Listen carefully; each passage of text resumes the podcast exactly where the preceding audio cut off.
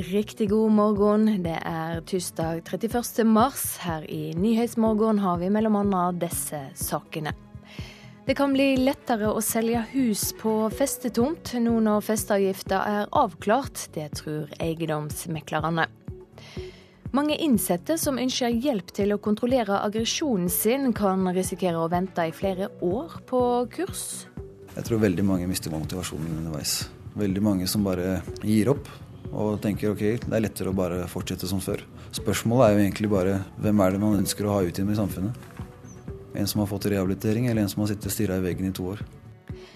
Og ofte er det mannen som kjører når begge er på tur. Nå ber NAF damene om å komme seg på plass bak rattet.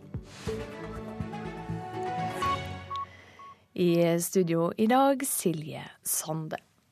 Det kan altså bli lettere å selge hus og hytter på festa tomt nå som spørsmålet om ny festeavgift blir avklart. Det mener Eiendomsmeglerforbundet. Leder Karl O. Geving mener utryggheten som har vært rundt avgifta, har vært negativ både for kjøper og selger. Det har over lang tid hersket full forvirring blant eh, rundt 300 000 tomtefesteavtaler eh, med tanke på både retten til å forlenge festeavtalen og festeavgiftens eh, størrelse. Denne forvirringen ser ut til å avta betraktelig etter at regjeringen nå har lagt fram forslag til nytt regelverk, noe som lå i kortene etter en dom i Den europeiske menneskerettighetsdomstolen i 2012. Den gang hadde tomtefester rett til å forlenge leieavtalen til samme pris, ofte langt under markedsprisen på eiendommen, noe domstolen mente var urimelig og i strid med vernet av eiendomsretten. I forslaget som nå ligger på bordet, skal tomteeieren kunne kreve ny pris ved fornyelse av leieavtalen, basert på verdien av tomta, men med en makspris på drøyt 11 000 kroner i året per mål tomt. Det blir litt dyrere for eh, de fleste festerne, men det er klart det lå i kortene når det ligger et menneskerettighetsbrudd i bunnen her sa statssekretær Vidar Brein-Karlsen i Justisdepartementet i går. Styreleder i Tomtefesterforbundet, Grete Gjertsen, mener derimot at regjeringens forslag går for langt i å heve leieprisene. De går mye lenger i å gjøre festeavgiftene mye høyere for mange flere enn det det skulle gjelde. Styreleder i Skogeierforbundet, Olav Veum, mener på sin side regjeringens forslag ikke går langt nok i hensynet til tomteeierne. Her er jo en rekke ting i det forslaget som nå foreligger som, som vi mener ikke går langt nok i retning av å få lik balanse. Leder i Eiendomsmeglerforbundet, Carl Geving, tror det ville vært vanskelig, for ikke å si umulig, å finne en løsning der alle ville vært fornøyde, men at det viktigste nå er at usikkerheten blir borte. Nå vet man eh, hva dette kommer til å koste, så kan man regne det inn i kjøpesummen, og så er det på en måte ikke et problem eller en usikkerhet lenger. Ikke minst tror Geving dette vil være en fordel for tomtefestere som ønsker å selge huset eller hytta. Vi tror at eh, ved eh, salg så vil forutsigbarheten eh, har større betydning eh, enn prisøkningen som måtte komme. Reporter Halvard Norum. Boligprisene nærmer seg toppen og vil stabilisere seg neste år. Det tror flere økonomer Dagens Næringsliv har snakka med. Av de 24 økonomene tror ni at boligprisene blir uendra. Ni tror at de skal litt opp neste år, mens fem av de tror på prisfall. Regjeringa vil skjerpe kravene for utlendinger og øke ventetida for å få permanent opphold i Norge med to år.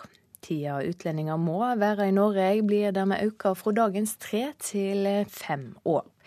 Framlegget er nå sendt ut på høring og er et resultat av samarbeidsavtalen med KrF og Venstre.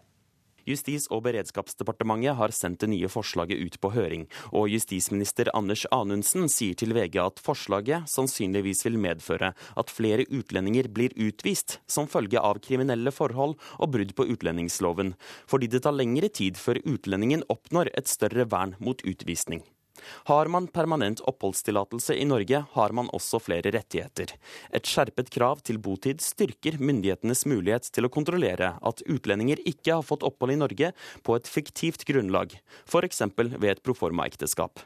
Utvidelsen er en følge av samarbeidsavtalen mellom regjeringspartiene Høyre og Frp og støttepartiene Venstre og KrF. Reporter Martin Holvik.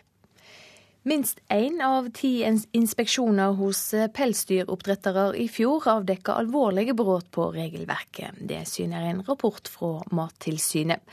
33 av de over 250 inspeksjonene førte til såkalte hastevedtak, skriver Aftenposten. Det er pålegg om utbedringer som ikke kan vente. Dyrevernalliansen er sjokkert over at det fremdeles er så mange brudd i en bransje som har vært sterkt kritisert gjennom flere år. Og I Nigeria har opposisjonsleder Mohammadu Buhari et forsprang i presidentvalget når stemmene fra 30 av 36 delstater er telte opp. Buhari gjorde det sterkt i eh, nord i landet, der det er mange muslimer. Han har et forsprang på 2,5 millioner stemmer over sittende president Gulløk Jonathan. Men eh, stemmene i flere av de kristne delstatene er ikke telt opp. Her er det venta større støtte til presidenten. Det blir mer om presidentvalget i Nigeria i Nyhetsmorgen etter klokka sju. Da skal vi ta en kikk på dagens eh, avisframsider. Skatteetaten har sjekka bruken av firmahytter. 41 bedriftseiere er tatt i å bruke firmahytter som sin private fritidsbostad. Det skriver Dagens Næringsliv. De er avslørte av heiskort, strømbruk og handlevaner. I Norge nekter foreldre å vaksinere barna. I Sierra Leone dør barn pga. vaksinemangel. Nå er det meslinger som truer de ebolaråka landene, skriver Dagsavisen. Fars vold var normalen. Det forteller en 18-åring Stavanger Aftenblad har snakka med. Nå er den 46 år gamle faren dømt til fengsel uten vilkår for vold mot gutten og mora. Bare én av ti familievalgsaker ender med dom. For første gang er flere enn 1000 nordmenn over 100 år. Det siste tiåret er det blitt dobbelt så mange 100-åringer, skriver Aftenposten. De som blir så gamle har et lyst sinn og evne til ikke å gi opp, ifølge ekspert. I dag er det fem år siden bomringen i Trondheim ble gjenåpna. Halve Trondheim mener det var riktig, og er glad for bomstasjonene, skriver Adresseavisen. Stadig færre nordmenn tror på Gud, ifølge Vårt Land. Nå svarer 38% nei på spørsmålet om de tror på Gud. Det er akkurat like mange som svarer ja. Og det er ny strid om Skavlan-intervjuet av Jimmy Åkesson, skriver Dagbladet. Ifølge avisa sier Åkessons partifelle at Skavlan er som en lydig hund. Fredrik Skavlan sjøl forstår ikke hva han skal beklage. Snøen i nord forsvinner, skriver Nordlys. Avisa forteller at forskere har kommet med ny sjokkrapport om klimaet. LO og NHO er budt på låg lønnsvekst. Både arbeidstakere og arbeidsgivere er klare for flere nulloppgjør i året som kommer, forteller Klassekampen. Slik verker hypnose, forteller VG på si framside i dag. Avisa har testa hypnose mot edderkoppfobi og snus- og colaavhengighet. Bergens Tidende tror Brann vinner førstedivisjonen i fotball. De mener flere av spillerne har X-faktoren laget trenger for å nå Eliteserien. Og Nasjonen har vært med en prisjeger på jobb. Rema-spionen skanner flere tusen matvarer på én dag hos konkurrentene. Slike jegere er et av matvarekjedenes våpen i krigen om kundene.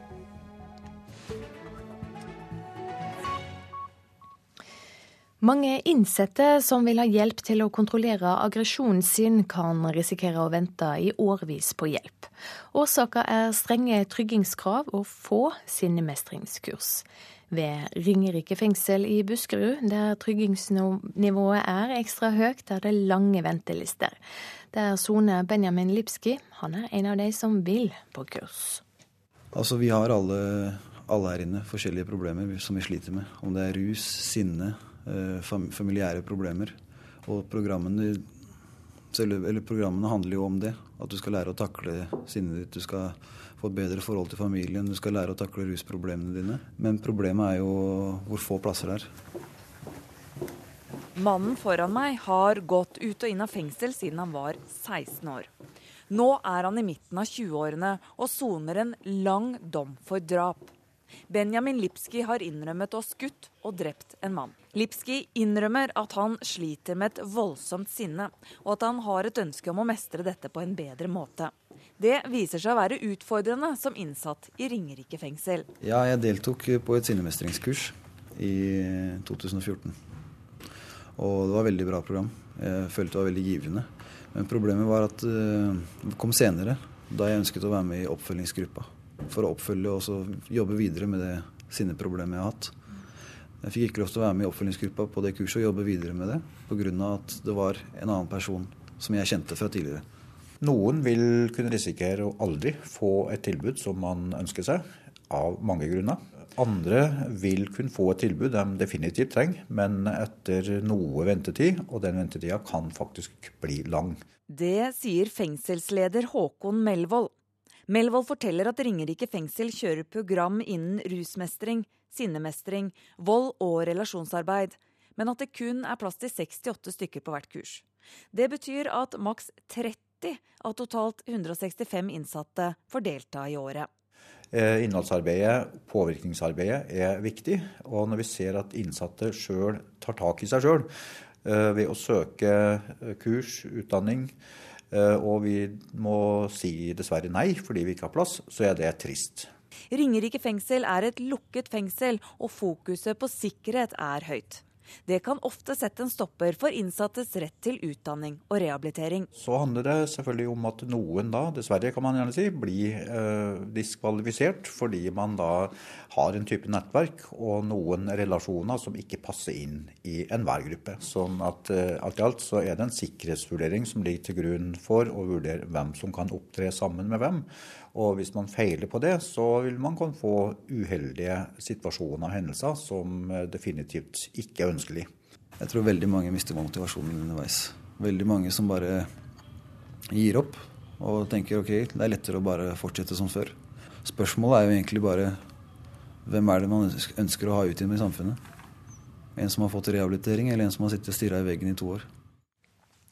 Ja, Det sa til slutt Benjamin Lipski, reporter Anette Skarfjell. I påska et vi nordmenn 20 millioner Kvikk Lunsj. Det er like mange som vi et til sammen hele resten av året, sier firmaet som lager sjokoladen. Også andre matvarer er spesielt populære i den stille veka. Da tar vi marsipan, appelsin, Kvikk Lunsj. Kanskje egg. Det er mange som spiser egg. Anette blir neppe alene om å ha disse varene på handlelisten de nærmeste dagene. For det er noen produkter som nordmenn forbinder mer med påske enn andre. Spesielt er Kvikk Lunsj avhengig av å selge mye i høytiden. Det kjeksen lages her inne, og sjokoladen alt lages her. Kristian Wielen forklarer hvordan Kvikk Lunsjen blir produsert på anlegget i Oslo. Kommunikasjonsdirektøren i Mondelis, firmaet som produserer sjokoladen, sier denne uken er høysesong for salg av Kvikk Lunsj. I påsken så er jo nordmenn veldig glad i å gå på tur, om det er i byen eller på fjell eller andre steder. Og når vi går på tur, da har vi med oss Kvikk Lunsj. Og eh, i året så spiser nordmenn omtrent 40 millioner Kvikk Lunsj, og halvparten av det, det spiser vi til påske. Men man må gå ganske lange skiturer for å forbrenne 20 millioner Kvikk Lunsj? Du, vi går mye på tur, vi skal gå mye på tur. Eh, og, og, gjør man det, så skal man kunne kose seg med våre produkter og Kvikk Lunsj eh, gjennom hele påska. Så i det ligger en oppfordring både til tur og til kos. En annen matvare som selger til gull i den stille uken, er appelsiner, ifølge Opplysningskontoret for frukt og grønt. Informasjonssjef Britt Kossin sier det selges hele 5000 tonn appelsiner i påsken. Totalt så selges det ca. 38 000 tonn gjennom hele året. Og de 5000 tonnene som selges i påsken, det er tilsvarende 20 millioner appelsiner.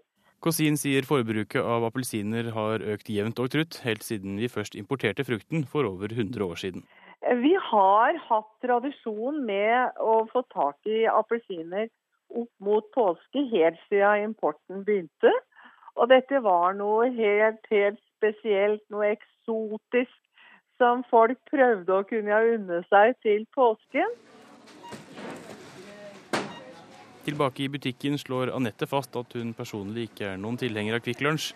Men så var det det med tradisjoner, da. Man må jo ha det med ryggsekken, da. Hvorfor det? Nei, fordi det på en måte hører med påsken. Alle andre har det jo, så må kjøpe den selv, da. Reportere Vegard Valestrand og Jo Grunde Gudbrands.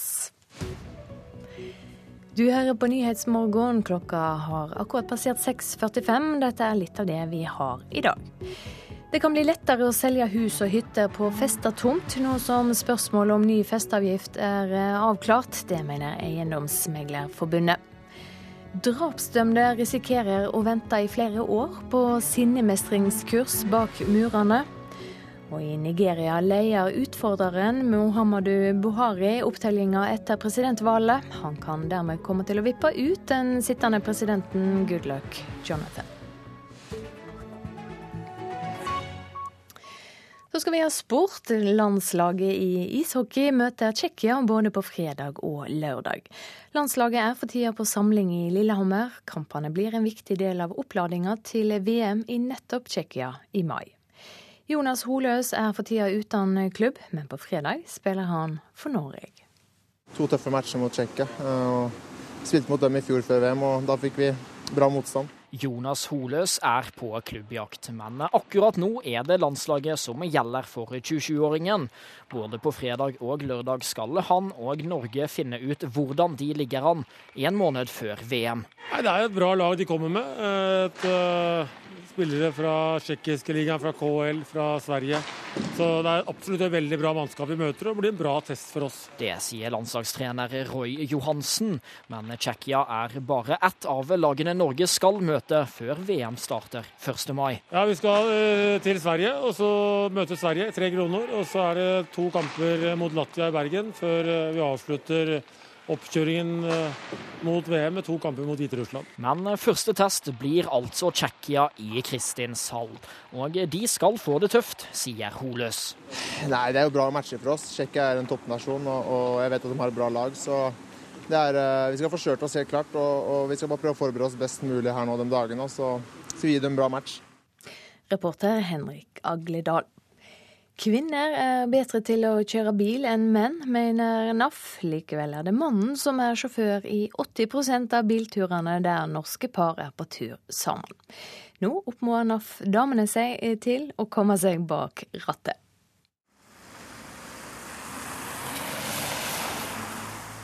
Jeg kjører til fra jobb hver dag, men ellers er det for på tur så er det han som kjører. Hos barneforeldrene Arnt Runar og Camilla Bertholdsen, som feirer påske en kjøretur fra Alta, er det ingen diskusjon bak rattet. Det er Arnt Runar som skal kjøre bilen. Ja, det er ofte når vi har her tilhengeren etter, så det faller det naturlig at jeg som kjører med den bilen. Hun vil ikke kjøre med den vognen eller noe etter. Så det blir bare sånn. Den har satt, satt meg naturlig dit. Men akkurat det mener NAF ikke bare er positivt. I en fersk undersøkelse Respons Analyse har gjort for NAF-magasinet Motor, kommer det frem at når det er både mann og kvinne i bilen, ja, da kjører mann i hele 80% av tilfellene. Likestillingen den har ikke helt kommet inn i bilkupeen. Sier kommunikasjonssjef i NAF Inger Elisabeth Sagedal. Altså når kvinner kjører lite, så får de lavere selvtillit og tenker at ja, ja, det er vel best han kjører. Han har mer erfaring med, med, med motorveier og langkjøring og så lar man mannen ta den jobben. Men eh, guttene er verken de beste eller de tryggeste, sier NAF. Kvinner er generelt sett bedre sjåfører. Kvinner tar mindre risiko. Kvinner er generelt sett tryggere sjåfører, sier alle de forskerne vi har snakka med. Og så er ekteparet Arnt Runar og Camilla på vei tilbake til campingvogna for å fortsette påskeferien, og Hvem kjører da? Han. Det er han som kjører bil. Det er han som kjører bil. Ja. Artig. ja. Reporter Eirik Hinnsveen. Det er svært stor interesse for spillefilmen som kan bli laga om krigshandlingene i og rundt Narvik våren 1940. Mange som har historier å fortelle, tar nå kontakt med folka bak den planlagde storfilmen. Det som er artigst til nå, er jo å se den enorme responsen fra engasjerte mennesker rundt omkring faktisk i hele landet som har tatt kontakt med oss. Han er ansvarlig for spillefilm i Bodø-selskapet News on Request, som sammen med målselvfirmaet Filmcap har gått i gang med den store spillefilmen om andre verdenskrig i Nord-Norge. Foreløpig er arbeidstittelen 'Slaget om Narvik', forteller Tom Vidar Karlsen. Så jeg tror jeg har to fulle ringpermer med folk som har sendt mailer og tatt kontakt og gitt sitt navn om de vil være med og, og bidra, og sendte beskrivelser fra sine foreldre og besteforeldre. Så det har vært uh, utrolig interessant å gå gjennom og, og oppleve. Bomben er allerede om bord. Fergen forlot brygga for flere minutter siden. Scenen fra den nylige TV-serien 'Kampen om tungtvannet'. Den har igjen utløst en debatt om hvor de store og dramatiske krigshandlingene skjedde i Norge. Ikke minst i Nord-Norge har mange røster heva seg med krav om en spillefilm der kampen om Narvik får sin plass. Det kunne vært laga mange filmer om eh, krigen i Nord-Norge, og kampen om Narvik er jo en av dem. Narvik var viktig både for den tyske okkupasjonsmakta og de allierte pga. utskipninga av svensk jernmalm. I slaget om Narvik deltok styrker fra Frankrike, England, Polen og Norge, og påførte Hitler-Tyskland deres aller første nederlag under andre verdenskrig. For eh, filmskaperne er ikke poenget å ta stilling i historiekampen mellom Sør- og Nord-Norge, sier Tom Vidar Karlsen. Hvor politisk vi skal være og historisk statements og sånt, det, det er mer jeg usikker på med vår rolle. Jeg tror Vi skal konsentrere oss om å lage en best mulig film. og Da tror jeg de fleste forstår at det som skjedde i slaget om Narvik, er, er, ja, vi mener det er den sterkeste delen av norsk krigshistorie fra andre verdenskrig. Spillefilmen om krigen i nord kan komme til å koste opp mot 200 millioner kroner, og filmskaperne tør i dag ikke antyde når den er ferdig. Det sa reporter Arild Moe. For første gang siden Edvard Munchs 'Skrik' ble stålet i 2004, blir verket stilt ut i utlandet. I morgen åpner utstillinga i Louis Vuitton-museet i Paris, der de mest sentrale verka innen modernismen skal vises fram. Denne utstillingen for så vidt bekrefter jo det vi allerede vet, at 'Skrik' er et sentralt moderne verk, eller et sentralt verk i den moderne kunsten. Ja, så sier Jan Ove Steihaug, avdelingsdirektør for utstillinger og samling på Munch-museet, og som fantes på plass i Paris når man på Fondation Louis Vuitton tok imot pressen i går. Altså, det er jo en eh, utstilling som har som premiss at den skal vise noen av de fremste uh, verkene i den moderne kunsten fra begynnelsen av 1900-tallet. Men uh, det er uh, installert på en litt spesiell måte her, med en veldig fin uh, slags nisje bygget inn. og så det står veldig godt fram. Det gjør det. 'Skrik' er det enda verket av Munch her på utstillingen, og som er åpen mellom den 1. april til den 6. juli. Dette er det private konstpalatsets tredje utstilling siden det åpnet i høstes. I seks salar finns originalverk av Picasso, Kandinsky og Gallen Kallela. På veggen henger også Matisse tavla Dansen og noen av Monets nekrosmålinger. Men det er i særklass Munchs Skrik som er den tavla som vekker mest oppmerksomhet. Som bekant er det ikke ofte Munkmuseet låner ut Skrik og det anses derfor være en stor ære å få ha den her på plass i Paris. Suzanne Paget er Louis Vuitton-fondationens konstnärliga chef. Hun sier at utgangspunkten for utställningen er å vise noen av modernismens konstnärer som radikalt endret konsthistorien. Suzanne Paget hoppas også at besøkeren skal ta tid på seg for å virkelig titte på alle de fantastiske verkene. Il faut savoir regarder l'art, et l'art, ça se regarde dans un dialogue qui suspend le temps Reporter i Paris, Johan Tolgert. Som 50-åring er den danske skuespilleren Lars Mikkelsen i vinden som aldri før. NRK har besøkt Mikkelsen hjemme i husværet på Vesterbro i København. Eh, hva, hvor trykker jeg nå? Det. OK. Men skal jeg Kom! kom. Lars Mikkelsen har to katter i gangen, vaskeklede i stova og en veldig fancy kaffemaskin på kjøkkenet. Har du en katt? Okay. For å være en kjent dansk TV- og teaterskuespiller har Mikkelsen med rolla som russisk president i den amerikanske Netflix-serien House of Cards for alvor fått en internasjonal karriere. Det begynte for to år siden. Han ville bruke Borgen-suksessen som et internasjonalt springbrett. OK, og så lever du en en demo på han Putin, eller? Ja, på, på denne figuren Petrov. Ja. Han lager en demovideo hjemme i stova. Det er mellom vinduene ned mot Sønna Boulevard og døra inn til soverommet. og rolla han fikk, er ikke Putin. Egentlig er det ikke ham overhodet. Så du satt ikke sånn og så videoer av ham, liksom?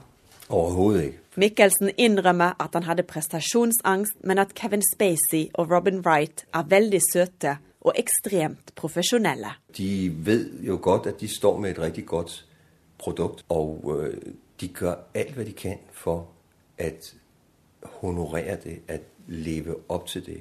Man skal matche noen der virkelig kan noe. Ikke? Hadde du prestasjonsangst på noe tidspunkt? Selvfølgelig hadde jeg det. Hele tiden. Men selv om det ikke er spor av stormannsgalskap i Mikkelsen der hjemme i andelsleiligheter, så kan jo den fancy kaffemaskinen på kjøkkenet være et tegn. Men er du blitt rik? Nei, nei. nei det får man ikke. Det, det kommer senere. Men jeg vil, ikke, jeg vil ikke eie de der store ting, som huset og sånn. Jeg er sosialist i min sjel, og jeg vil gjerne inngå i fellesskaper. Men Mikkelsen er ikke bare med i det amerikanske Netflix-vidunderet som blir fulgt av millioner av seere verden over. Han er òg aktuell som politimannen Harald Bjørn i det europeiske fjernsynssamarbeidet Mord uten grenser. Dette er òg nybrottsarbeid. Det har vært en kjempeutfordring også. Det er en veldig annerledes utfordring, fordi at man både har sitt eget språk og, og så spiller på engelsk inn. Men at engelsk jo ikke for noen av oss er et hovedspråk. Unnskyld. Ja. Men suksess koster, og etter 60 intervju er Mikkelsen klar til å slappe av med familien og kattene. Deretter er det teater som han brenner for, en person han ellers kunne bruke i House of Cards som er bygd på Shakespeare. Mikkelsen vil gjerne veksle mellom Danmark og utlandet. Så vekselvirkningen er deilig, og jeg elsker å komme hjem til kattene. Familien kommer hjem, og NRK går ut. Katten Asbjørn sniker seg med, men blir fanga innan han når altfor langt ut i den store verden. Asbjørn, nei, eh, stopp litt, Asbjørn.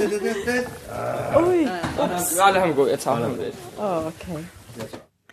Reporter i København, Tove Gerhardsen.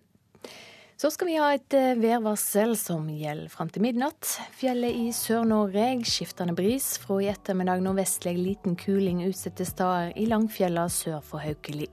Enkelte snøbyger i vestlige områder eller stort sett opphold. Østlandet skiftende bris. Skyer eller delvis skyer, stort sett opphold. Lokal skodde først på dagen. Telemark skiftende bris, i kveld vestlig bris. Skyer eller delvis skyer, opphold. Agder skiftende bris, periodevis østlig frisk bris på kysten vest for Oksøy. Regn vesentlig i sørlige områder, snø i høgda. Fra i ettermiddag nordvestlig bris, liten kuling på kysten av Vest-Agder. Enkelte byger lengst vest, ellers opphold. Rogaland får østlig frisk bris, opphold, litt regn lengst sør. Fra i formiddag nordvestlig liten, kan hende stiv kuling, i kveld minkende. Regnbyger, snøbyger over 300 til 600 meter. Hordaland og Sogn og Fjordane opp i frisk bris av skiftende retning. I ettermiddag kan hende sørvest liten kuling ved Stad. Perioder med regnbyger, snøbyger over 400 til 600 meter. I kveld utrygt for torevær. Møre og Romsdal sørlig også vest opp i frisk bris. Opphold. I kveld regnbyger, snøbyger over 400-600 meter. Trøndelag skiftende bris, enkelte regnbyger, sluddbyger eller snøbyger i indre og høyere strøk. Lite eller ikke nedbør i indre Sør-Trøndelag. Nordland får nordøstlig bris, frisk bris utsatte steder. I kveld nordvestlig opphold. Fra midt på dagen litt snø eller sludd, først i grensetraktene. Opphold på Helgeland. Troms skiftende bris, på kysten og østlig frisk bris. Skyer, litt snø og sludd i indre strøk, fra i ettermiddag også i ytre strøk. I Finnmark blir det sørøstlig frisk bris utsatte steder. I kveld liten kuling på kysten i øst. Spredd snø, på kysten sludd. Og Nordensjøland på Spitsbergen. Der blir det østlig stiv kuling utsatte steder. Fra i ettermiddag liten kuling. Litt snø av og til, mest i øst. Så har vi temperaturlister målt for eh, to timer siden. Svalbard lufthavn minus sju, Kirkenes null, Vardø to, Alta minus fire, Tromsø-Langnes minus to, Bodø null, Brønnøysund minus én, Trondheim-Værnes minus tre. Molde 0, Bergen Flesland 1, Stavanger 2, Kristiansand-Kjevik minus 1, Gardermoen minus 4, Lillehammer minus 4, Røros minus 15 og Oslo-Blindern minus 1. Det blir uendra eller litt varmere i Sør-Norge og på Spitsbergen, litt kaldere i Nord-Norge.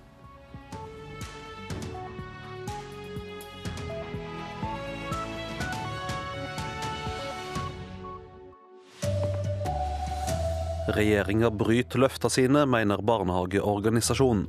Kvinner er bedre til å kjøre bil enn menn, og bør ta over styringa, mener NAF. Her er NRK Dagsnytt klokka sju. Regjeringa blir skylda for å bryte løfter når det gjelder de aller minste barna.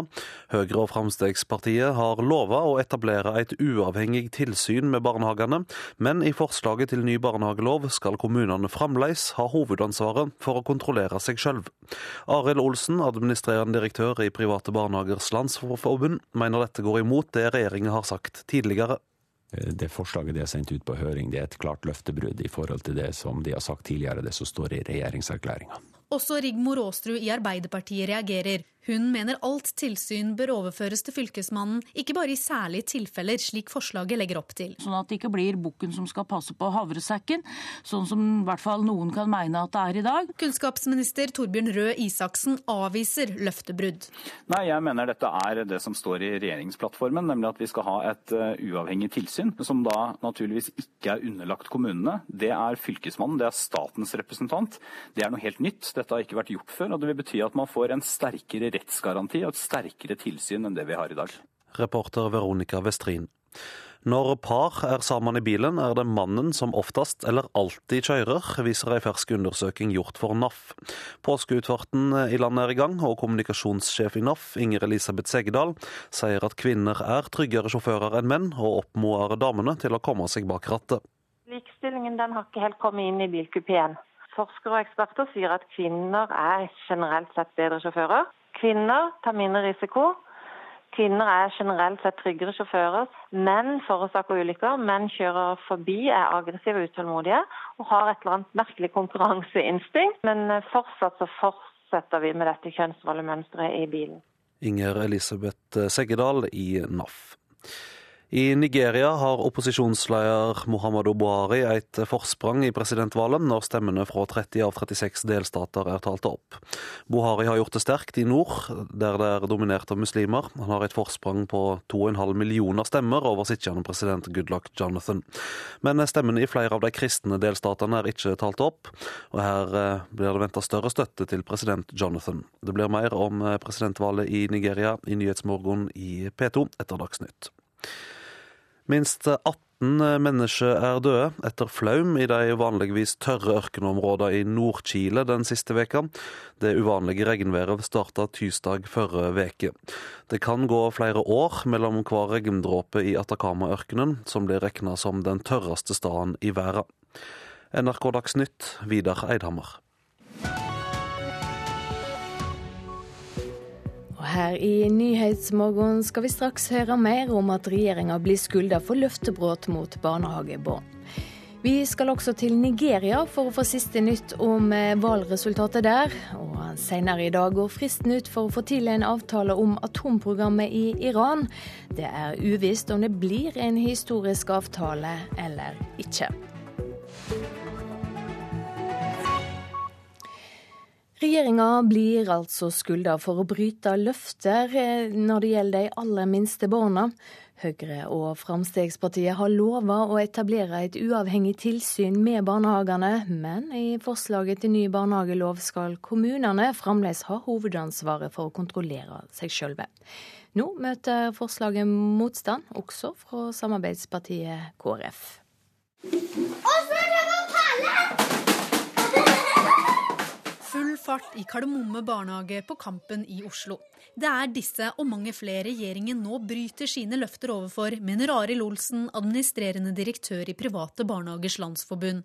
Han reagerer på at Høyre og Frp i sin politiske plattform sier at den vil innføre uavhengig tilsyn med barnehagene, men i forslaget til lovendring viderefører en ordning der kommunen fortsatt skal ha hovedansvaret. Det forslaget de har sendt ut på høring, det er et klart løftebrudd i forhold til det som de har sagt tidligere, det som står i regjeringserklæringa.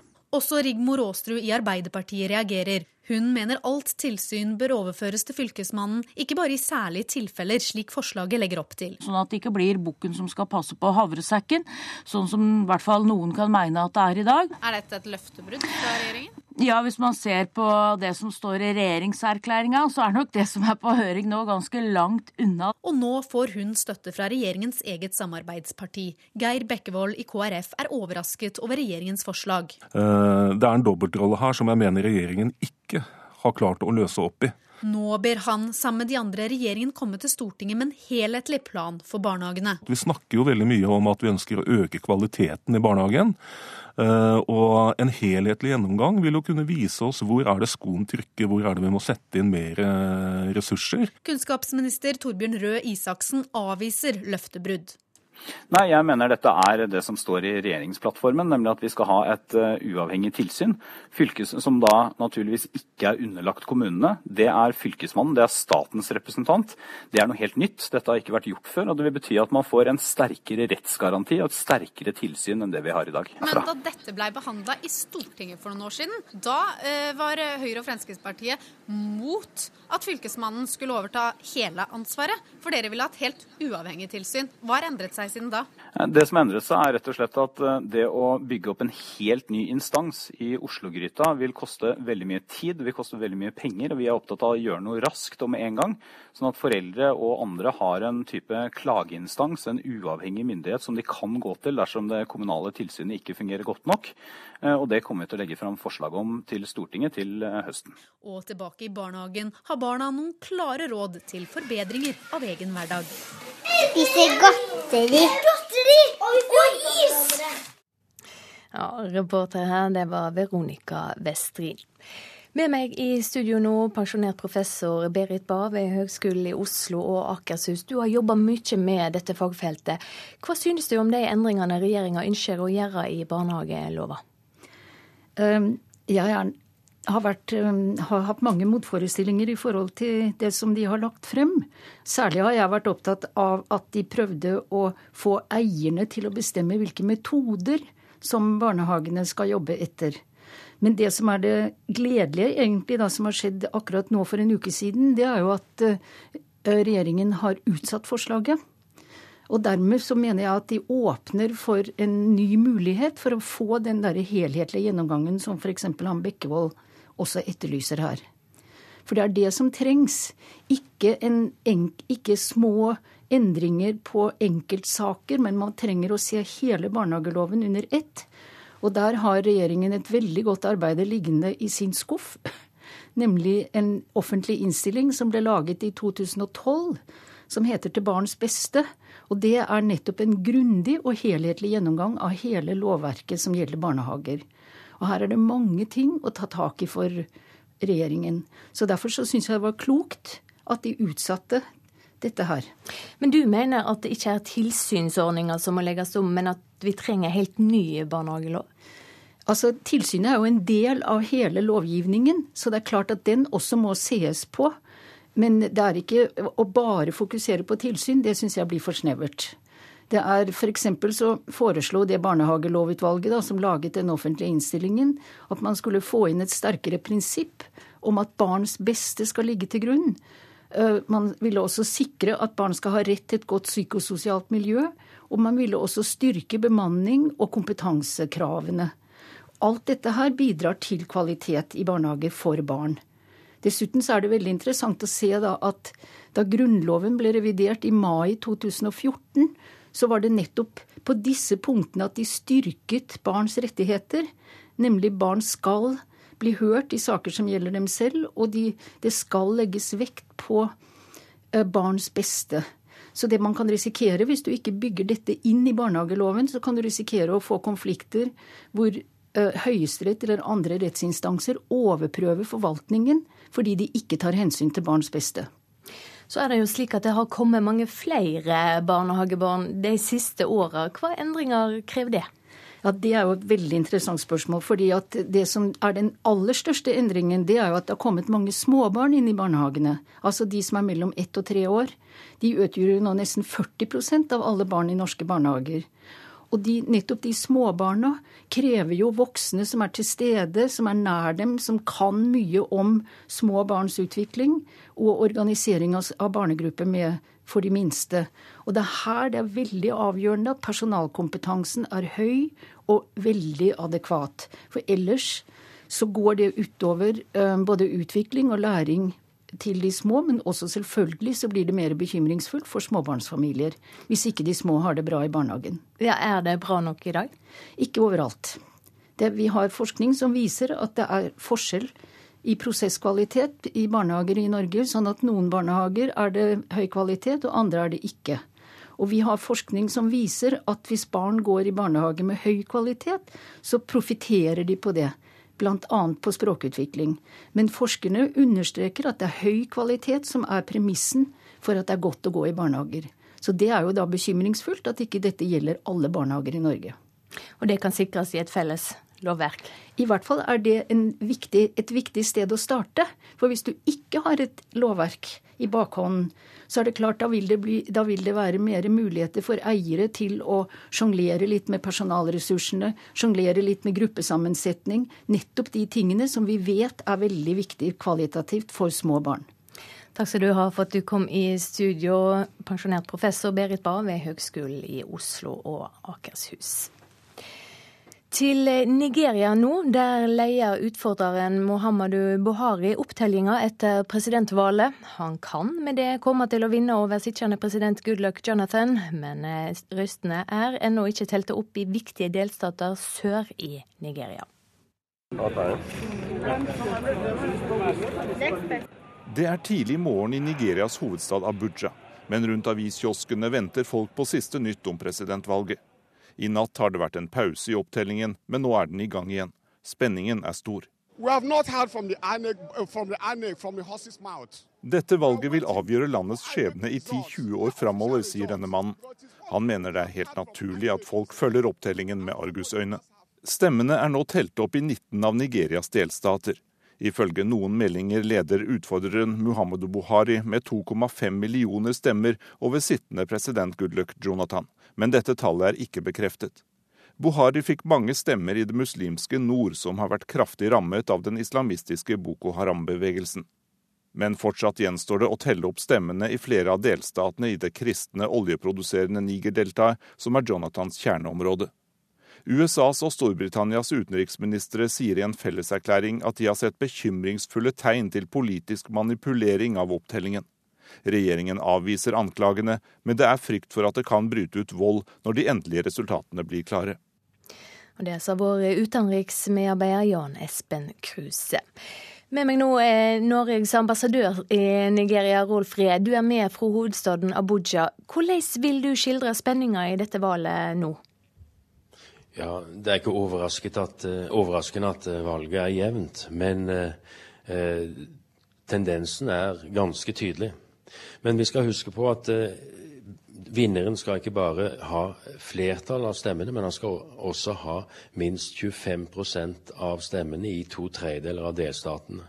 Og foreløpig, som eh, dere nevnte innledningsvis, så er ikke alle delstatene i sør telt opp. Og seks disse, i seks av disse delstatene så har Buhari ikke oppnådd 25 så har det vært snakk om tekniske problem, valgfusk, og det har også vært valgsepisoder. Hva vil du si om gjennomføringa av eh, valget? Jeg vil si at uh, sett i nigeriansk sammenheng så har gjennomføringen vært imponerende. Velgerne har opptrådt med verdighet og kanskje for første gang på mange år hatt tro på at det er ingen som stjeler stemmene deres. Valgkommisjonen har hatt eh, gjennomføringsproblemer, men Hovedbildet er allikevel at de systematisk har lukket for juks gjennom ulike reformer, og har lykkes med det. Samtidig vil jeg legge til sivilt samfunn har gjort en kjempejobb med å observere valget. Og jeg vil påstå satt en ny standard internasjonalt når det gjelder sivilt samfunnsengasjement i forbindelse med valg. Hvis det skulle bli et nytt eh, regime i Nigeria, hva kan vi vente oss av eh, utfordreren eh, Buhari? Det er vanskelig å si, faktisk. Han har jo et rykte på seg for å være en mann som ikke aksepterer korrupsjon. Men uh, han er én i en stor koalisjon av mange politikere som har sin historie. Valgkampen har ikke vært ført på saker og politikk, men på person og lojalitet. Så det er vanskelig å, å vurdere hvilken politikk de vil føre. Og så vil vinneren stå overfor en stor økonomisk krise eh, for landet. Det er lave oljepriser, og oljen utgjør de største inntektene for landet. Og oppi dette kommer at landet også står for, overfor store utfordringer når det gjelder å fullføre kampen mot Boko Haram og starte gjenoppbygging i de områdene i nordøst som er fullstendig ødelagt av eh, krigen. Takk skal du ha for at du var med, den eh, norske ambassadøren altså i Nigeria, Rolf Ree. Klokka er 7.15. Du hører på Nyhetsmorgen, og dette er noen av våre saker i dag. Regjeringa blir skylda for løftebrudd mot barnehagebarn. Kommunene skal fremdeles ha hovedansvar for å kontrollere seg sjølve. I hele natt har det vært forhandlinger om Irans atomprogram. Fristen for å få til en avtale går ut i dag. Ingen vet om det er mulig å komme i mål. Og det kan bli lettere å selge hus og hytter på festetomt, nå som festeavgifta blir avklart. Det mener Eiendomsmeglerforbundet. Ja, I hele natt har det altså vært forhandlinger om Irans atomprogram. Fristen for å få til en avtale går ut i dag. Det butter særlig i spørsmålet om sanksjonene mot Iran. Og det er nå uvisst om det blir en historisk avtale eller ikke. De har gått mye, toppdiplomatene i Lausanne i Sveits, som nå nærmer seg sin selvpålagte tidsfrist. De har gått rundt ved parker og Genévesjøen, Kerry, Lavrov, Fabius, Zarif og alle de andre utenriksministrene. De har ruslet og pratet, tålmodig fulgt av kameraenes telelinser. For det er en historisk avtale de forhandler om. Det handler om Iran, landets atomprogram og om Iran skal tas inn i den internasjonale varmen igjen etter den islamske revolusjonen i 1979. Det har gått mye, men vært mindre pratsomme med pressen i de siste timene. Før helgen sa Frankrikes utenriksminister Laurent Fabius at Iran har rett til et fredelig atomprogram, men ikke til en atombombe. So far as the civilian use of uh, nuclear is concerned, Iran has all the rights, 100%. But so far as atomic bomb is concerned, the answer is no, because we don't want any... Dette har Irans lederskap sagt seg enig i. Det er ikke der problemene nå ligger. Når forhandlingene nå går inn i en avgjørende fase, dreier det seg mest om sanksjonene Iran er utsatt for. Irans posisjon er at alle sanksjonene mot landene må heves umiddelbart etter at en avtale som skal overvåke landets atomprogram er underskrevet. Dette har landets øverste leder, Ayatollah Ali Khamenei, vært helt tydelig på offentlig. Spørsmålet nå er om dette er forhandlingstaktikk. For forhandlingspartene, som er de fem faste medlemmene i Sikkerhetsrådet i tillegg til Tyskland, ønsker en gradvis heving av sanksjonene. En avtale er tenkt å gis en ramme på ti år, der Iran bl.a. avstår fra å bruke de mest avanserte sentrifugene til anriking av uran. Dette handler om hvor lang tid det vil ta å gå fra sivil bruk av atomenergi til å lage en bombe. De vestlige forhandlerne ønsker at den perioden skal være så lang som mulig, minst et år. Muligheten for å få til en avtale er 50-50, sa en talskvinne for det amerikanske utenriksdepartementet i går kveld, og utenriksminister John Kerry sa i en kort kommentar til CNN at de vil forhandle gjennom natten i Sveits for å løse de vanskelige siste problemene. Det står altså ikke på innsatsen. Men Russlands utenriksminister Sergej Lavrov forlot i går møtet med beskjed om at han ville komme tilbake når det var en reell mulighet for en avtale. Her i Midtøsten mangler det ikke på skeptikere, og det vil ikke gråtes mange tårer dersom forhandlingene ikke lykkes i denne omgangen. I hvert fall ikke i de sunnimuslimske landene med Saudi-Arabia i spissen. Men ingen går så langt som avtalens seriekritiker, Israels statsminister Benjamin Netanyahu. Han har en fersk valgseier i lomma, og hevder like godt at det går en akse mellom Lausanne, Teheran og Jemen, som er en fare for menneskeheten. Sigurd Falkenberg Mikkelsen, Kairo. Til eh, USA nå. Der er det stort oppstyr om en ny lov som kan gjøre det lovlig for bedrifter å diskriminere homofile. Det er delstatsforsamlinga i Indiana som har vedtatt lova, men demonstranter fra hele landet kommer nå reisende dit for å markere sin avsky. Og flere store selskap truer nå med å boikotte delstaten. I flere dager har de demonstrert utenfor delstatsforsamlingen i Indianapolis. Mange er lokale, men andre har kommet reisende hit fra andre steder i USA fordi de synes så mye står på spill.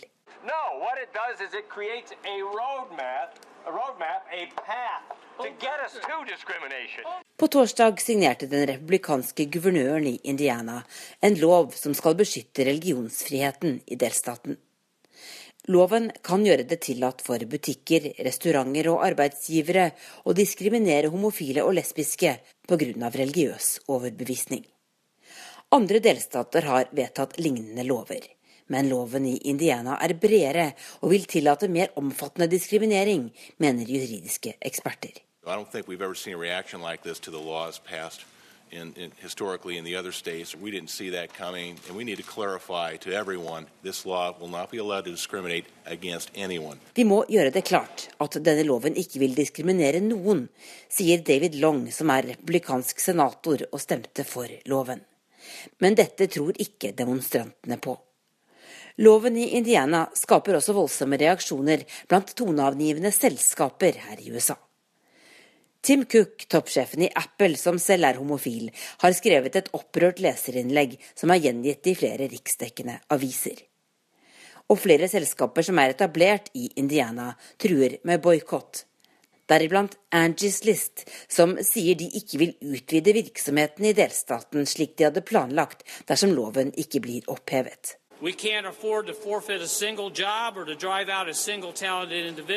Vi har ikke råd til å miste en eneste arbeidsplass.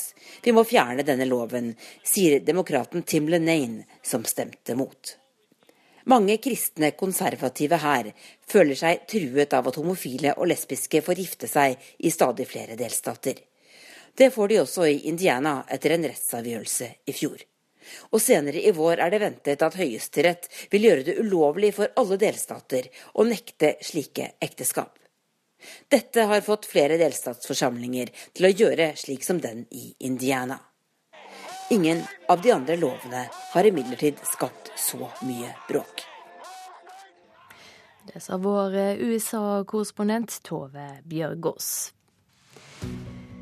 Da skal vi ta en kikk på dagens avisframsider.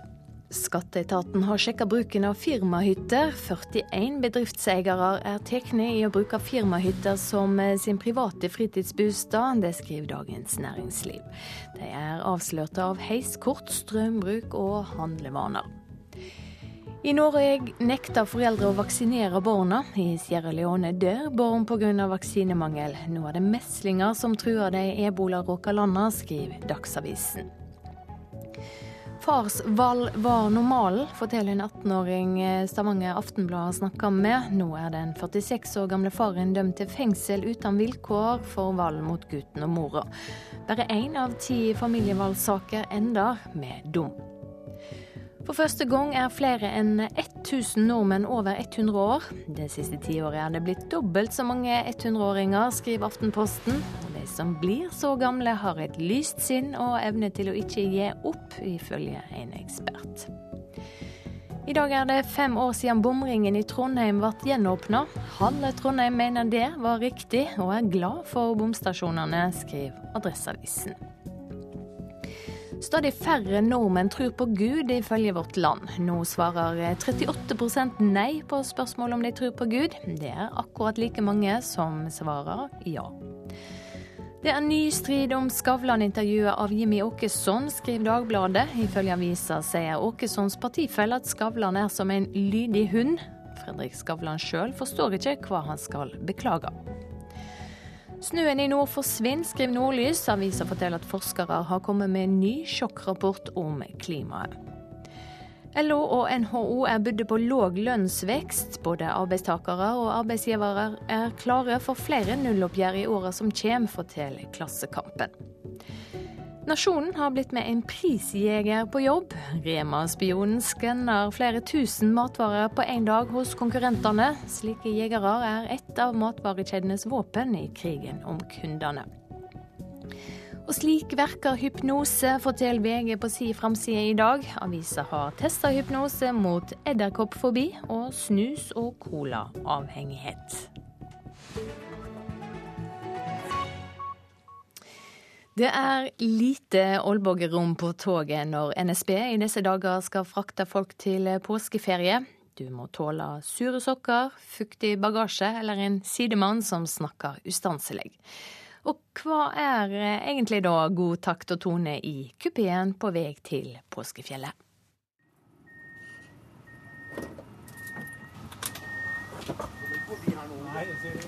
En gjeng mannfolk med store ryggsekker kaver seg inn på toget og dytter bagasjen opp på bagasjehylla. Dama som sitter under hylla, får masse snø i hodet. Bagasjen ligger oppå hylla her. Skia ligger der også, for det var ikke, noe, det var ikke plass der ute til skia. Så ble det litt snø i huet på huda. Men Ja. det tåler hun. Ja, tror du det? Ja. Ja, vi får håpe det. Ja. Påsketogene er fulle av folk som skal på ferie, og det er trangt om plassen. Kai Jørgensen og Ole Johansson skal gå på ski på Hardangervidda, og er klare på hva som er god takt og tone i kupeen. Passe på når du går inn og ut, ikke slå i hjel sidemannen med ryggsekken din. Og jeg så en nabo i min nabo her, han helte ut snø overalt og dulta borti både her og der. Så. Ja, Der var det en dame forsiktig. som fikk snø i hodet. Ja, og, og sekken dulta borti huet på den litt sånn forskjellig. Ta hensyn. Så hvilke hensyn har eh, du tatt i dag? Nei, jeg har vel prøvd å rette meg etter det, da. Prøve å ta hensyn til Simon. Ja, Hvem er det som sitter ved siden av deg? Nei, det er en kamerat, så han tar jeg ikke så veldig mye hensyn til, da. Men også de andre reisende på vei til fjells er klare på hva de synes er god kupékutyme. Det er at du får beholde plassen din. At ingen tar plassen din. Ja, har du opplevd det, at noen har tatt plassen din? Ja, Ja. Nei, men de var italienere, så da, da kan ikke vente noe annet. Nei, Det er vel å være hensynsfull, og jeg var sikkert ikke så veldig snill når jeg satt på telefonen med mamma i stad, men det var ikke min feil, for det var hun som ringte meg to ganger på rad. Men tenkte du på sidemann da, da? Nei, fordi jeg tenkte bare på hvordan jeg kunne få henne til å slutte å snakke fortest mulig. Det var det jeg konsentrerte meg om. Men jeg burde ha tenkt på de.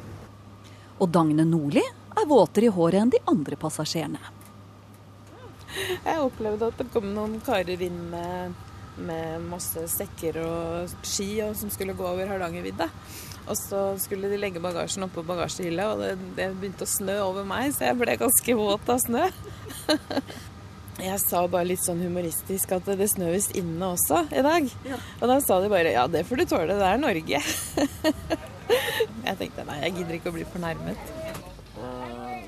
I midtgangen i vogn åtte står det en klase med unge folk som sperrer midtgangen. Det er ikke god takt og tone, og ombordansvarlig Andreas Totland bestemmer seg for å si ifra. Yeah, all right. Thank you. Nå fikk de tilsnakk. Nå fikk de litt tilsnakk. Ja. Ikke mye. Hvordan føler du deg nå? Nei, det går fint. Ja. Det, Føler deg ikke kjip? litt, litt kjip. Litt kjip. For Andreas Totland med NSB-uniformen er klar på hvordan vi skal oppføre oss om bord i toget på vei til påskeferie. Hvis det blir sjenerende for andre, så er det jo der grensen går, tenker jeg. Nei, det er jo det er ikke lov å drikke øl. Medbrakt øl ute i vognene. Og når det er påske, så er jo det noe som forekommer. Er det andre ting? De som opp på fjellet på påskeferie og har med seg musikk i tillegg, gjerne høy musikk, som de setter her og spiller i hele vognen. Er det lov å ha beina på setet foran? Nei. Det er ikke heldig det heller. Du kan, ligge, du kan ha beina oppi hvis du har to seter for deg sjøl f.eks. Så kan du ha to beina oppi, men da må du ta av skoene.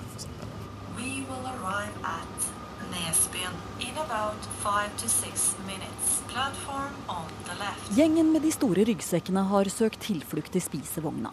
De er på vei til Kresja, og Arve Glittum har innsett at det gikk litt hardt for seg i starten. Det er klart Når jeg kom inn med den våte sekken med snø på, og jeg hadde ikke noe annet valg enn å legge den oppå der, så dryppet det litt eh, i ansiktet til hun dama, i hodet til hun dama.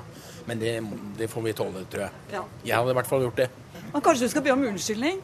Ja, men det kan jeg gjøre når jeg kommer tilbake, da. Det, det, det var godt eh, tenkt. ja.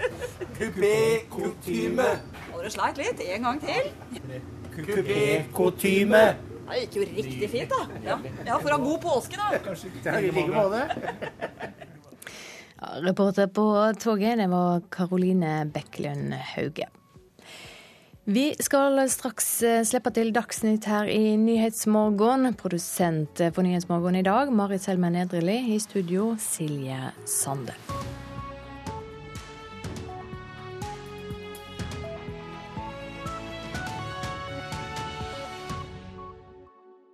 Hør virkelighetens drama når Nils Ole Oftebro leser 'Krysseren Blücher' av Alf R. Jacobsen. Visst fanden skal der skytes med skarpt. Blücher alle dager i påsken klokken 17 i NRK P2.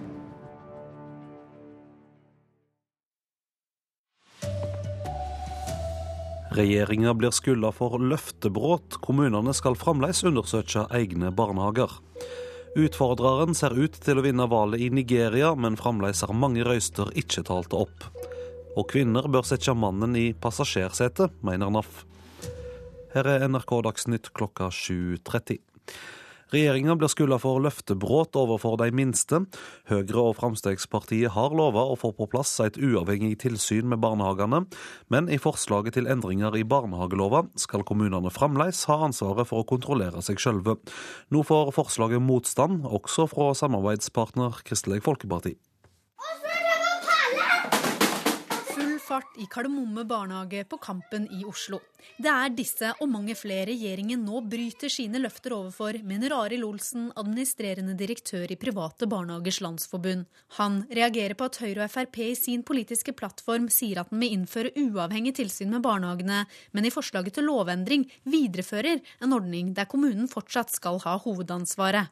Det forslaget de har sendt ut på høring, det er et klart løftebrudd i forhold til det som de har sagt tidligere, det som står i regjeringserklæringa. Også Rigmor Aasrud i Arbeiderpartiet reagerer. Hun mener alt tilsyn bør overføres til Fylkesmannen, ikke bare i særlige tilfeller, slik forslaget legger opp til. Sånn at det ikke blir bukken som skal passe på havresekken, sånn som i hvert fall noen kan mene at det er i dag. Og nå får hun støtte fra regjeringens eget samarbeidsparti. Geir Bekkevold i KrF er overrasket over regjeringens forslag. Eh, Det er en dobbeltrolle her som jeg mener regjeringen ikke har klart å løse opp i. Kunnskapsminister Torbjørn Røe Isaksen avviser løftebrudd. Nei, jeg mener dette er det som står i regjeringsplattformen, nemlig at vi skal ha et uh, uavhengig tilsyn. Fylkes, som da naturligvis ikke er underlagt kommunene. Det er Fylkesmannen, det er statens representant. Det er noe helt nytt. Dette har ikke vært gjort før. og Det vil bety at man får en sterkere rettsgaranti og et sterkere tilsyn enn det vi har i dag. Og tilbake i barnehagen har barna noen klare råd til forbedringer av egen hverdag. Spise godteri. Og is! Reporter Veronica Westrin, og det blir mer om saka i Politisk kvarter klokka kvart på åtte i P2. Regjeringa vil skjerpe kravene for utlendinger og øke ventetida for å få permanent opphold i Norge med to år. Tida utlendinger må være i Norge blir dermed økt fra tre år i dag til fem år. Forslaget er nå sendt på høring, skriver VG. Styresmaktene mener det vil bli enklere å få sendt kriminelle utlendinger ut av landet med de nye reglene, fordi folk med fast oppholdsløyve har mer vern enn de uten. I Nigeria leier utfordreren Muhammadu Buhari opptellinga etter presidentvalget. Han kan med det komme til å vinne over sittende president Goodluck Jonathan. Men røystene er ikke talt opp i viktige delstater sør i landet. Det er tidlig morgen i Nigerias hovedstad Abuja, men rundt aviskioskene venter folk på siste nytt om presidentvalget. I natt har det vært en pause i opptellingen, men nå er den i gang igjen. Spenningen er stor. Uh. Dette valget vil avgjøre landets skjebne i 10-20 år framover, sier denne mannen. Han mener det er helt naturlig at folk følger opptellingen med argusøyne. Stemmene er nå telt opp i 19 av Nigerias delstater. Ifølge noen meldinger leder utfordreren Muhammadu Buhari med 2,5 millioner stemmer over sittende president Goodluck Jonathan, men dette tallet er ikke bekreftet. Buhari fikk mange stemmer i det muslimske nord, som har vært kraftig rammet av den islamistiske Boko Haram-bevegelsen. Men fortsatt gjenstår det å telle opp stemmene i flere av delstatene i det kristne oljeproduserende Niger-deltaet, som er Jonathans kjerneområde. Norges ambassadør til Nigeria, Rolf Ree, sier det ikke er lett å forutsi hva slags politikk Buhari kommer til å føre dersom han blir valgt. Det er vanskelig å si, faktisk. Han har jo et rykte på seg for å være en mann som ikke aksepterer korrupsjon. Men uh, han er én i en stor koalisjon av mange politikere som har sin historie. Og så vil vinneren stå overfor en stor økonomisk krise uh, for landet. Det er lave oljepriser, og oljen utgjør de største inntektene for landet. Det sa ambassadør Rolf Ree, reporter Jan Espen Kruse. Eiendomsmeklerforbundet mener det kan bli lettere å selge hus og hytter på festa tomt når spørsmålet om festeavgifter blir avklart.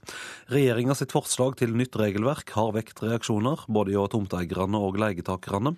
Leder i Eiendomsmeglerforbundet, Karl O. Geving, mener det viktigste er at det kommer et nytt regelverk. Nå vet man eh, hva dette kommer til å koste, så kan man beregne det inn i kjøpesummen. Og så er det på en måte ikke et problem eller en usikkerhet lenger. For det har vært usikkerhet helt siden 2012, da Den europeiske menneskerettighetsdomstolen mente at den norske prisreguleringen av festetomter var så dårlig for tomteeierne at det var i strid med menneskerettighetene. Regjeringens forslag til nytt system innebærer at prisen justeres opp ved fornyelse av festeavtalen, og at tomteeierne dermed får høyere leiepris. For høy, sa styreleder Grete Gjertsen i Tomtefesterforbundet i går. De går mye lenger i å gjøre festeavgiftene mye høyere for mange flere enn det det skulle gjelde. Fra tomteeiernes side ble det derimot sagt at regjeringens forslag ikke går langt nok.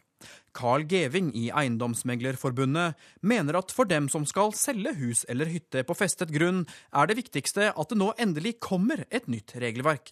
Vi tror at eh, ved eh, salg eh, så vil forutsigbarheten har større betydning enn prisøkningen som måtte komme.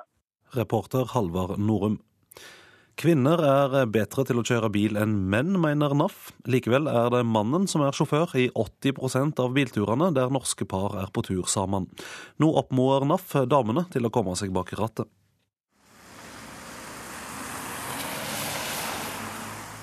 Jeg kjører til fra jobb hver dag, men ellers er det for på tur så er det han som kjører. Hos barneforeldrene Arnt Runar og Camilla Bertholdsen, som feirer påske en kjøretur fra Alta, er det ingen diskusjon bak rattet. Det er Arnt Runar som skal kjøre bilen. Ja, vi ofte når vi har her tilhengeren etter, så det faller det naturlig at jeg som kjører med den bilen. Hun vil ikke kjøre med den vognen eller noe etter. Så det blir bare sånn. Den har satt, satt meg naturlig dit. Men akkurat det mener NAF ikke bare er positivt. I en fersk undersøkelse Respons Analyse har gjort for NAF-magasinet Motor, kommer det frem at når det er både mann og kvinne i bilen, ja, da kjører mann i hele 80% av tilfellene. Likestillingen den har ikke helt kommet inn i bilkupeen. Sier kommunikasjonssjef i NAF Inger Elisabeth Sagedal. Altså når kvinner kjører lite, så får de lavere selvtillit og tenker at ja, ja, det er vel best han kjører. Han har mer erfaring med, med, med motorveier og langkjøring. Og så lar man mannen ta den jobben. Men eh, guttene er verken de beste eller de tryggeste, sier NAF. Forskere og eksperter sier at kvinner er generelt sett bedre sjåfører. Kvinner tar mindre risiko. Kvinner er generelt sett tryggere sjåfører, sier alle de forskerne vi har snakka med. Og så er ekteparet Arnt Runar og Camilla på vei tilbake til campingvogna for å fortsette påskeferien og Hvem kjører da? Han. Det er han som kjører bil. Det er han som kjører bil. Ja. ja. Reporter Eirik Hinde Sveen. I påsken et vi 20 millioner eksemplar av sjokoladen Kvikk Lunsj. Det er like mange som det går med resten av året, sier produsenten. Også andre matvarer er spesielt populære i den stille veka. Da tar vi marsipan, appelsin, Kvikk Lunsj. Kanskje egg. Det er mange som spiser egg. Anette blir neppe alene om å ha disse varene på handlelisten de nærmeste dagene. For det er noen produkter som nordmenn forbinder mer med påske enn andre. Spesielt er Kvikk Lunsj avhengig av å selge mye i høytiden. Det Kjeksen lages her inne, og sjokoladen alt lages her. Kristian Wielen forklarer hvordan Kvikk Lunsjen blir produsert på anlegget i Oslo. Kommunikasjonsdirektøren i Mondelis, firmaet som produserer sjokoladen, sier denne uken er høysesong for salg av Kvikk Lunsj. Ja, I året så spiser nordmenn om lag 40 millioner Kvikk Lunsj. Og halvparten av det, dvs. Si om lag 20 millioner, det spiser vi i forbindelse med påsken. En annen matvare som selger til gull i den stille uken, er appelsiner, ifølge Opplysningskontoret for frukt og grønt. Informasjonssjef Britt Kåsin sier det selges hele 5000 tonn appelsiner i påsken. Totalt så selges det ca. 38 000 tonn gjennom hele året. Og de 5000 tonnene som selges i påsken, det er tilsvarende 20 millioner appelsiner. Tilbake i butikken slår Anette fast at hun personlig ikke er noen tilhenger av Kvikk Lunsj, men så var det det med tradisjoner, da. Man må jo ha det med ryggsekken, da. Hvorfor det? Nei, fordi det på en måte hører med påsken. Alle andre har det jo, så må kjøpe den selv, da. Reporter Jo Grunde Gudbrands og Vegard Valestrand. Ansvarlig for sendinga var Jan Erik Bjørnskau, teknisk ansvarlig Frode Thorshaug. Her i studio Vidar Eidhammer.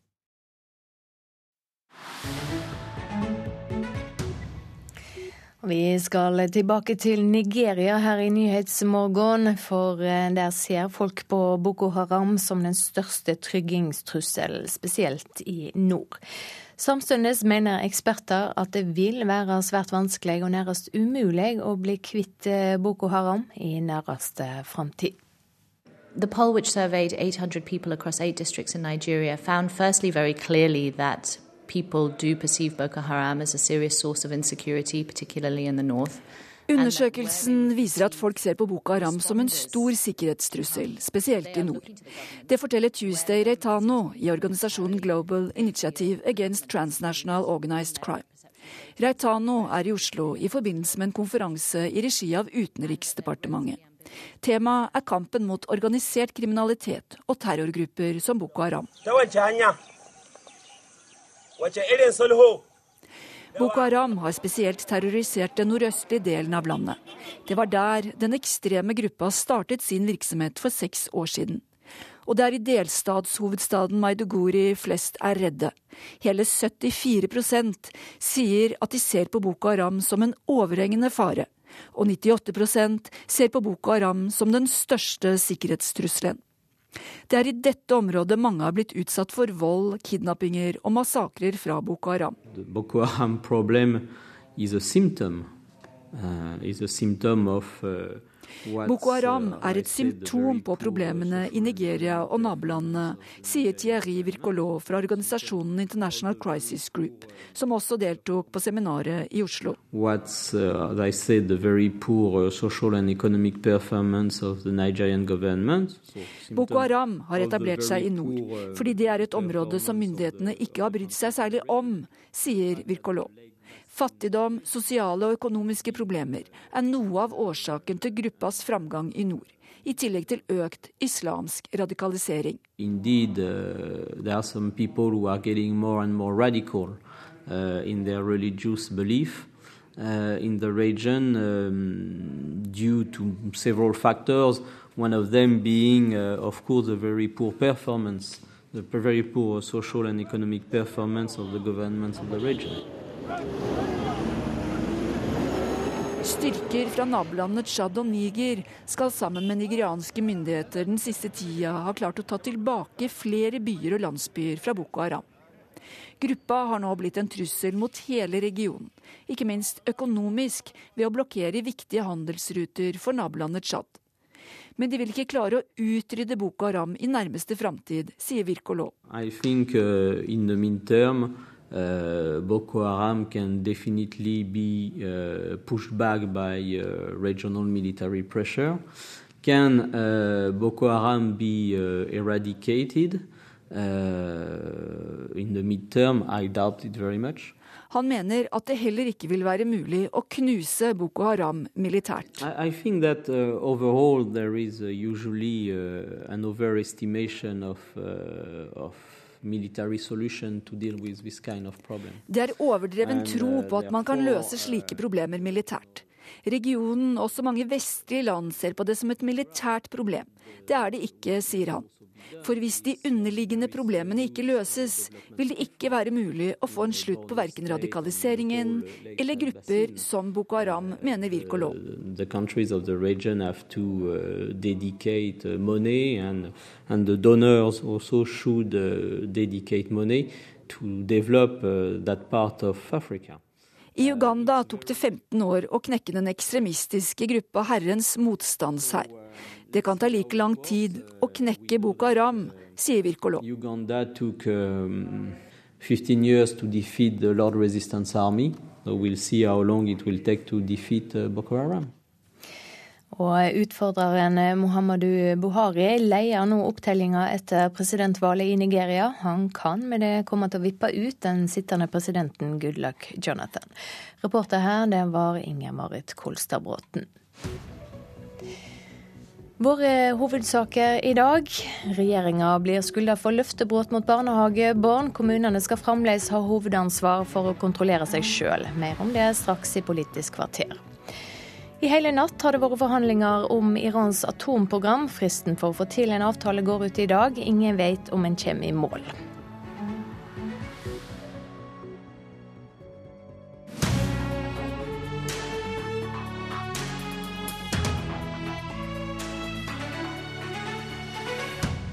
Regjeringen beskyldes for løftebrudd overfor de aller minste, mener den løper fra løfter om et uavhengig tilsyn fra, for barnehagene. Vel møtt til Politisk kvarter med Veronica Westrin, som i sin helhet skal dreie seg om barnehager. For i Dagsnytt i dag har vi altså hørt at forslaget til endringer i barnehageloven som har vært ute på høring, der legges det opp til at kommunene fortsatt skal ha hovedansvaret for å kontrollere seg selv. Og det møter sterke reaksjoner, bl.a. fra deg, Rigmor Aasrud i Arbeiderpartiet. Du er medlem av familie- og kulturkomiteen på Stortinget. Hva er det du reagerer så på her? Først og fremst så eh, reagerer jeg på at man eh, nå overfører tilsynet til fylkesmennene etter at man har sagt i barnehagemeldinga at man ønsker et uavhengig tilsyn. Eh, for å overføre til fylkesmennene er jo noe helt annet enn å overføre til et uavhengig tilsyn. Så så vi også i barnehagemeldinga at vi måtte gjøre endringer på tilsynsordningen for barnehager. For i dag så er det kommunene som fører tilsyn med seg sjøl og de private barnehagene som de har i sin kommune kommune. Så vi ønska at man skulle legge det til Fylkesmannen, men det var jo ikke Høyre og, og Fremskrittspartiet fornøyd med når vi behandler barnehagemeldinga. De ønsket seg et helt annet tilsyn som skulle etableres utafor Fylkesmannens uh, ordninger. Men hvorfor førte ikke dere det bort fra kommunene hvis det var så viktig for dere da dere hadde muligheten? Ja, nå ble den barnehagemeldinga behandla i juni 2013, sånn at det var ikke tid for oss til å kunne gjøre det. Uh, men det var jo det vi ønska. Og og, la opp til når vi behandla barnehagemeldinga.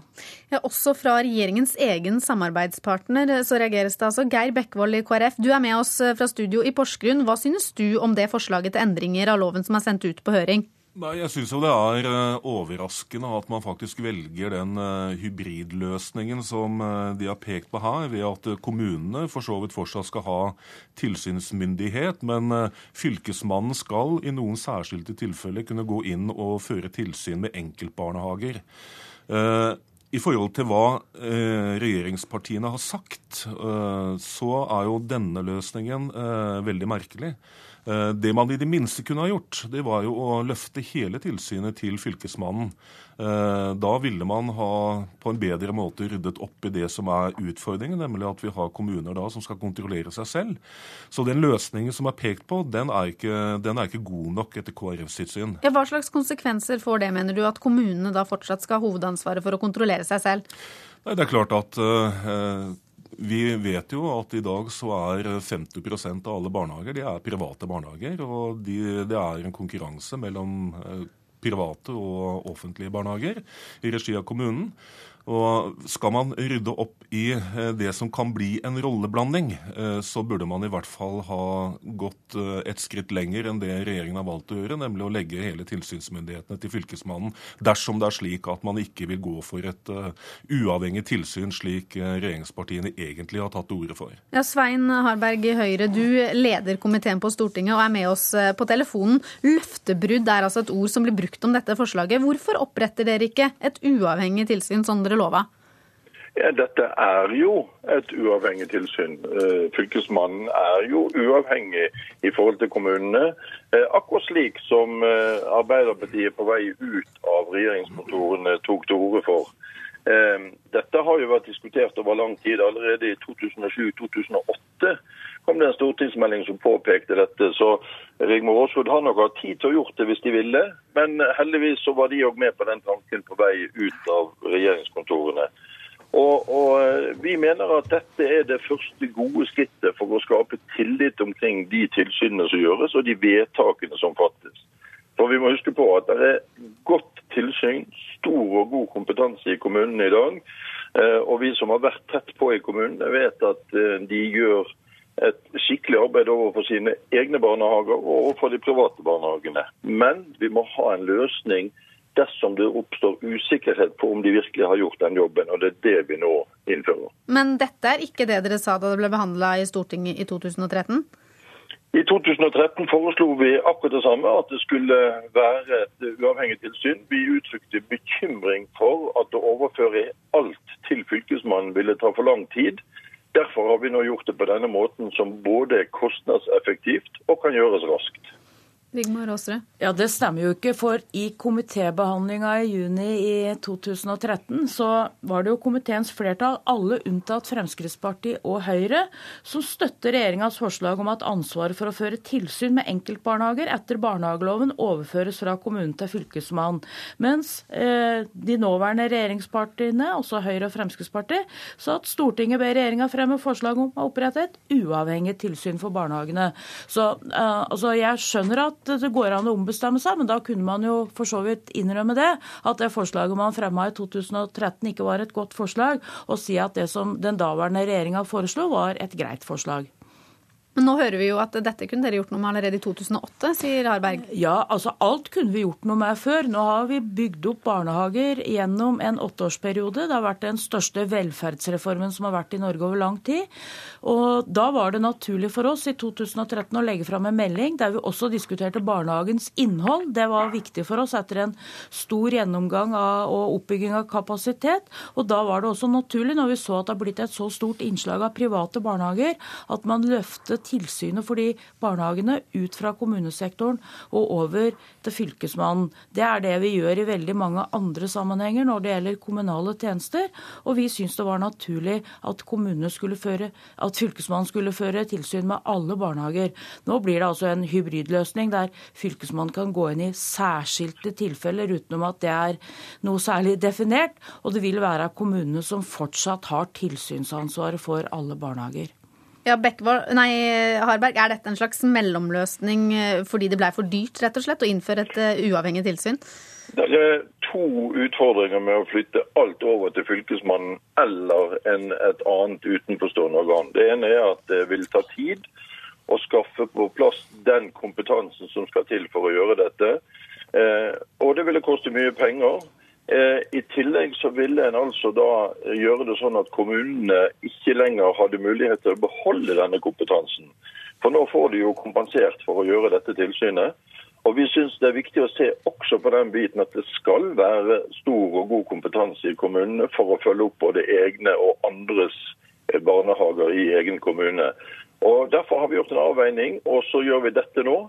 Og Hvis dette ikke fungerer godt nok, noe vi håper og tror, så er det klart vi skal gå enda lenger, men dette er et veldig godt første skritt. Ja, Geir Bekkevold, eh, kan man ikke risikere ved da å føre over all tilsynsmyndighet til Fylkesmannen, slik du tar til orde for? Eh, kan man ikke da risikere at eh, i f.eks. mindre kommuner, da, hvor man ikke har så store fagmiljøer, så tapper man barnehagekompetansen fra kommunen? Ja, det, det, kan eh, hende at det er det som blir eh, et mulig resultat. Men eh, jeg forholder meg nå til det som er blitt sagt om denne saken tidligere. Jeg forholder meg også til den rolleblandingen som fort kan oppstå når kommunen skal sitte og føre tilsyn med seg selv. Jeg hadde håpet at regjeringen hadde fulgt opp det som også sto i merknadene til denne saken i, i, i, forrige periode, nemlig at komiteen imøteser en overordnet og prinsipiell vurdering av hvem som bør ha tilsynsansvaret for barnehagene og organiseringen av dette, da undersøkelsen viser at dagens system er mangelfullt og utøves ulikt. Jeg lurer på om regjeringen har tatt seg tid til å gjøre noen overordna vurderinger av det tilsynet slik det fungerer i dag. For meg så virker det som man har valgt en litt sånn lettvint løsning, eh, en hybridløsning som ikke ikke eh, rydder opp i rolleblandingen. Så eh, dette her sånn hadde jeg håpet at regjeringen ville ha, ha gått inn i med, på en litt mer prinsipiell måte. I stedet har man altså valgt denne hybridløsningen. Ja, eh, Nå er jo også denne saken eh, utsatt litt. Den skulle bli behandla i Stortinget, eller sendt til Stortinget nå i våres, men er utsatt til høsten. Bruker dere litt tid på dette? Ja, vi bruker tid på det. og det er jo, det er jo fryktelig rart, det som Geir Jørgen Bekkevold sier. Vi kunne jo gjort en veldig enkel løsning og sagt at alt dette skal overføres til Fylkesmannen, eller alt dette skal overføres til et nytt eh, tilsyn som skal opprettes. Og så hadde det blitt en sak som det hadde blitt jobbet med i flere år med det.